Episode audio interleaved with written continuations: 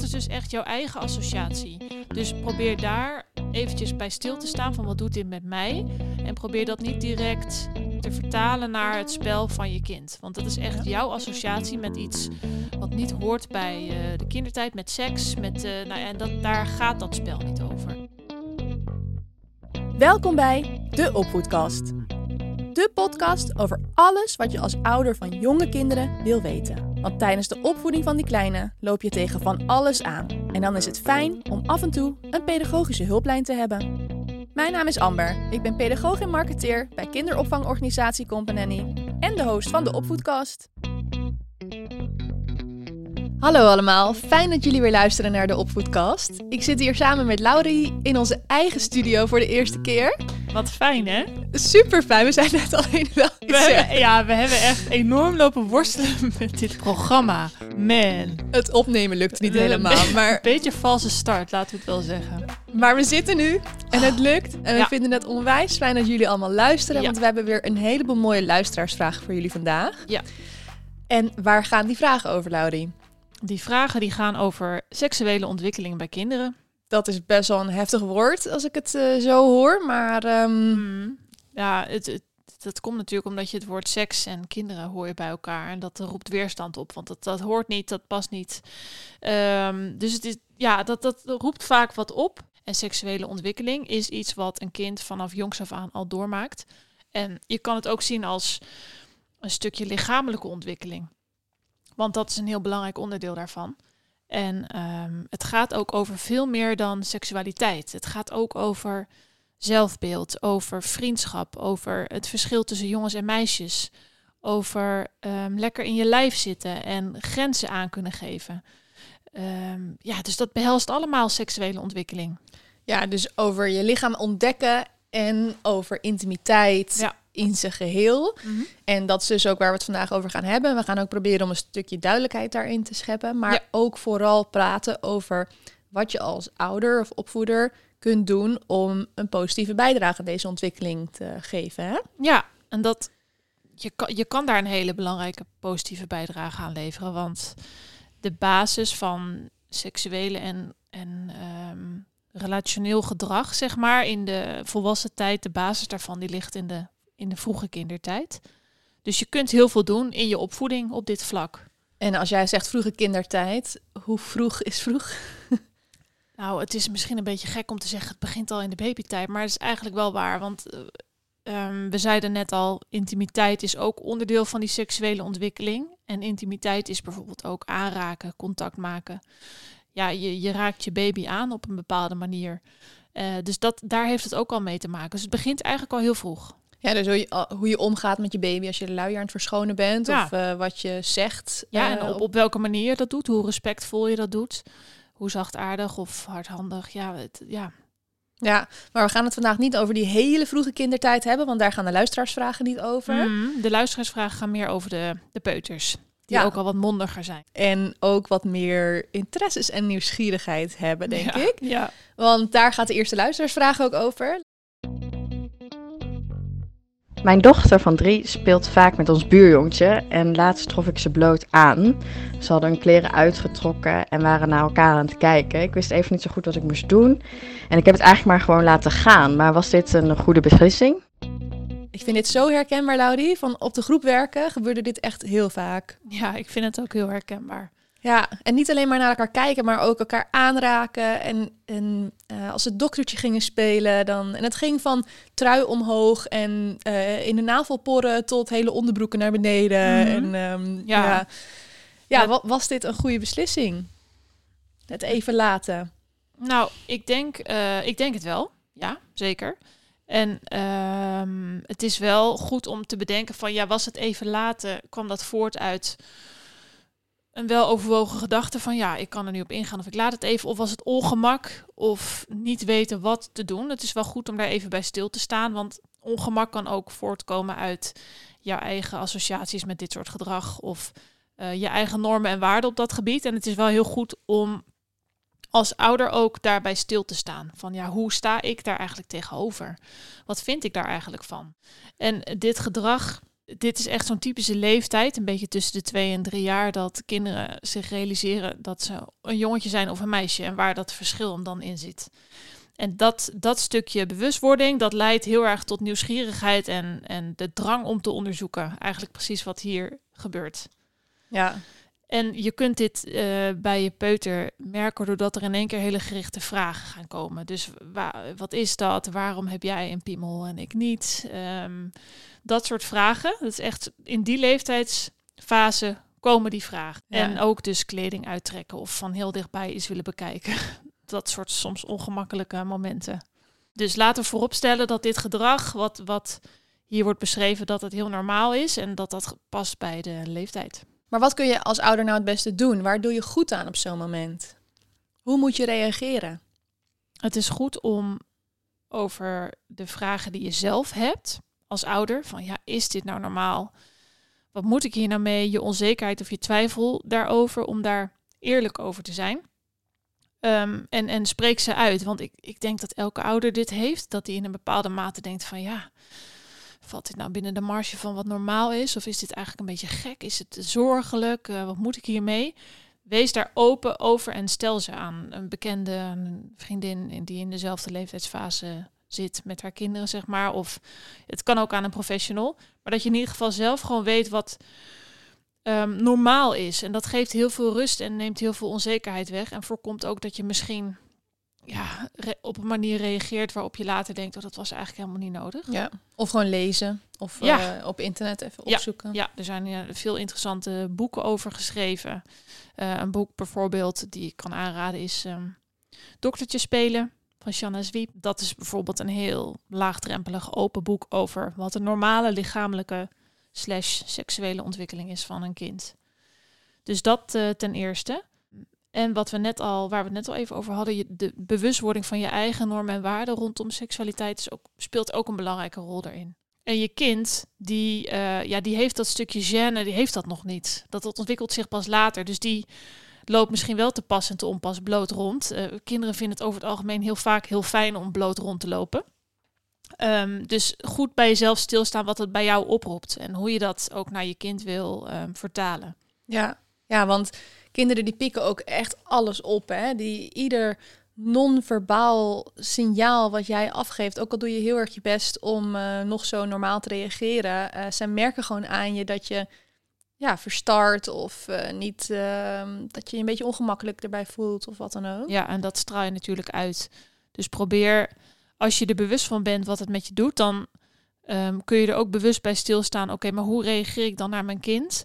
En met de kennis in je achterhoofd van oké, dit gedrag is normaal. Probeer dat gedrag dan ook als iets normaals te zien en er op die manier op te reageren. Ja, en dit zijn best wel een beetje algemenere dingen, hoe je ehm, je kind kunt ondersteunen bij deze ontwikkeling. Mhm. Maar als we nou even naar specifiek naar deze situatie kijken, Ja. wat eh, moet je dan doen? Ten eerste is het belangrijk dat je even de situatie van het spel ehm, even peilt. Dus is er eh, plezier? Is het leuk? Hebben ze het naar hun zin? Ehm, want dat is wel echt een belangrijke factor in dit soort soorten spel. Ehm, het, het moet wel zo zijn dat het, op, op een, dat het leuk is. Dus dat beide kinderen, of misschien zijn er ook wel in sommige situaties meerdere kinderen bij betrokken, maar dat het gelijkwaardig is. Dus dat je niet merkt van hm, er is een soort machtssfeer en het ene kind die die doet wel mee, maar die vindt het eigenlijk niet fijn. Hè? Dus is, doet iedereen vrijwillig mee? Is het leuk? Dat zijn hele belangrijke dingen om te peilen. ja. En daarnaast kun je ook je kind van jonge leeftijd al af aan al meegeven dat hij ehm, ja, de baas is over zijn eigen lijf. Dus dat hij eh, nee mag zeggen als hij iets niet leuk vindt. Ehm, en dat hoeft niet alleen op het gebied van seksualiteit. Dat kun je natuurlijk gewoon in, in de breedste zin van het woord kun je je kind dat meegeven. Dus jij bepaalt en als, als je het niet meer leuk vindt, dan stop je ermee. Of dan zeg je dat, dat je het niet meer leuk vindt. Eh, je kunt bijvoorbeeld ook eh, prima een regel instellen thuis. In wat voor soort spel dan ook de, de onderbroeken blijven aan. Eh is op zich een hele duidelijke grens. En als iedereen Ja. zich daar prettiger bij voelt, of in ieder geval jij als, als opvoeder, dan is dat een prima regel. Ja, en, en nog even terug naar wat je net zei over je eigen grenzen leren en aangeven. Ik denk dat dat ook al iets is wat heel jong al kan beginnen. Als jouw kindje al één is en die wil even geen knuffel of kus geven aan opa of oma als die, er, eh, als die op bezoek zijn of jij bent op bezoek bij hun. Respecteer dat dan ook. Mhm. En ga dan niet forceren van of of weet je waar we het de vorige keer ook een beetje over Ja. hadden dan zielig of verdrietig gaan doen van oh maar maar opa wil zo graag een knuffel en daar word ik verdrietig van nee respecteer dat dat kindje gewoon eventjes niet dat lichamelijke contact of die intimiteit wil en dan leer je ze op je hele jonge leeftijd dus al ehm, hun grenzen kennen en ook leren aangeven wat ze dan vervolgens een paar jaar later als ze dochtertje gaan spelen met vrienden dus ook al beter kunnen doen. Ja, en nog weer jaren later, als ze in die puberteit komen, dat ze van jongs af aan al geleerd hebben, ik kan nee zeggen. Dus als iemand iets van mij wil en ik ben er niet klaar voor of ik, ik heb daar geen zin in, dan kan ik dat zeggen. En dat mag ook. Precies. Ja. Dus dat is, dat is heel belangrijk. En precies wat je zegt, de basis ligt ook al daar. Dus als je eigenlijk wel steeds tegen je kind zegt, hé, je moet, je moet opa of oma eh, begroeten met een kus of zo. Ja, dat, dat is eigenlijk een tegendraadse boodschap op hetgeen wat we net bespraken. Ja, en zou je dus in zo'n situatie van deze luisteraarsvraag dan dus ook zeggen... dus eerst even observeren voordat je überhaupt reageert... maar stel dat er toch een grens overschreden wordt... dat er bijvoorbeeld wel onderbroeken uit zijn... Ja. en ze zijn naar elkaar aan het kijken of zelfs aan het aanraken. Ik kan me voorstellen dat ik als ouder later best wel een beetje... je schrikt er ook van. En dan ga je ook in een bepaalde emotie zitten... en dan, dan, dan denk je ook van, oh maar shit... Ja, wat, dit, dit moet ze gewoon zo snel mogelijk stoppen. Dit is, niet, dit is niet juist. Want ik kan me voorstellen dat als jij heel duidelijk laat blijken dat dit niet oké is, dat het dan ook een beetje averechts werkt. Omdat ze het alleen maar nieuwsgieriger worden en spannender gaan vinden. En het misschien wel stiekem gaan doen. ja. Nou, dan ga ik nog eerst even in op wat je net zei van het gevoel dat je zelf denkt van, oh, ik schrik ervan. Dat is dus echt jouw eigen associatie. Dus probeer daar eventjes bij stil te staan van wat doet dit met mij? En probeer dat niet direct te vertalen naar het spel van je kind. Want dat is echt Ja. jouw associatie met iets wat niet hoort bij eh, de kindertijd, met seks, met, eh, nou, en dat, daar gaat dat spel niet over. Ja, een stukje onwetendheid dus ook bij jezelf. Wat Ja, is normaal? Dus dat, dat is stap 1. En stap 2, ja, die grenzen. Kijk, seksuele opvoeding is, is opvoeding in, in de breedste zin van het woord. Dus het is onderdeel van, van hoe jij eh, thuis je kind opvoedt. Hoe jullie gedragsregels stellen, hoe jullie daarmee omgaan. Als jij hebt bepaald, samen met je partner, eh, in huis blijven de onderbroeken aan, dan is dat jouw grens. Dus die grens, die, ehm, die stel je dan ook consequent. Je hebt wel gelijk als je zegt, ja, dat roept toch nieuwsgierigheid op. Daar ben ik het mee eens. Dus misschien is überhaupt die regel, ja, misschien zou ik hem zelf niet, niet zo stellen. Maar dat, dat is voor iedereen, ja, dat is je eigen keus. Net dat voor jou belangrijk is. Dus je kan ook ehm, bijvoorbeeld afspreken, nou ja, ze zitten in het spel, ze zijn bloot, ze willen naar elkaar kijken. Prima, kijk maar even naar elkaar, maar we raken elkaar niet aan. Of we raken elkaars geslachtsdelen niet aan. Het kan in principe van alles zijn. Zolang de gedragsregels die je stelt, dat je die maar duidelijk bespreekt met je kind en die ook ehm, opvolgt. Dus consequent bent daarin. Dus dat is niet heel veel anders dan, dan de rest van de opvoeding, zeg maar. Ja. Oké, laten we doorgaan naar de volgende vraag. Eh, dat gaat ook een beetje over de peuterleeftijd. Laten we even luisteren. Voordat mijn zoon gaat slapen, gaat hij altijd tegen zijn knuffel aanrijden. Is dit normaal? En hoe stop ik dit gedrag zonder dat ik er een heel punt van maak? Laat, wacht, laat ik even vooropstellen dat kinderen dit dus heel vaak doen. Dus die ontdekken op een gegeven moment van, ah ja, als ik eh, hier Dit voelt fijn. Oh ja, Dit als is ik hier lekker. tegenaan schuur of ik, eh, ik weet, kinderen doen het op knuffels of soms tegen een paal of zo. Ja, zijn, ze vinden er allerlei manieren voor, maar ehm, het voelt prettig. Het, eh, het voelt ontspannend misschien.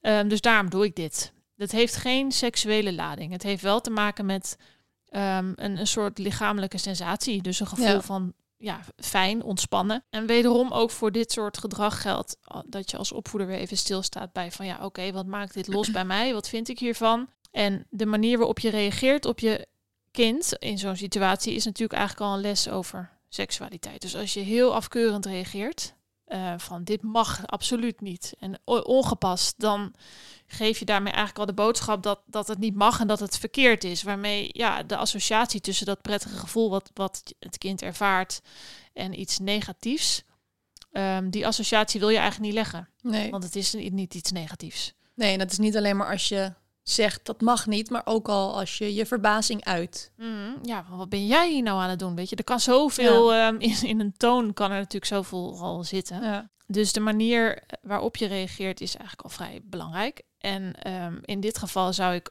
adviseren om zo neutraal mogelijk te reageren of, of niet te reageren. Het even te laten, maar dat is heel afhankelijk van de, de, de context.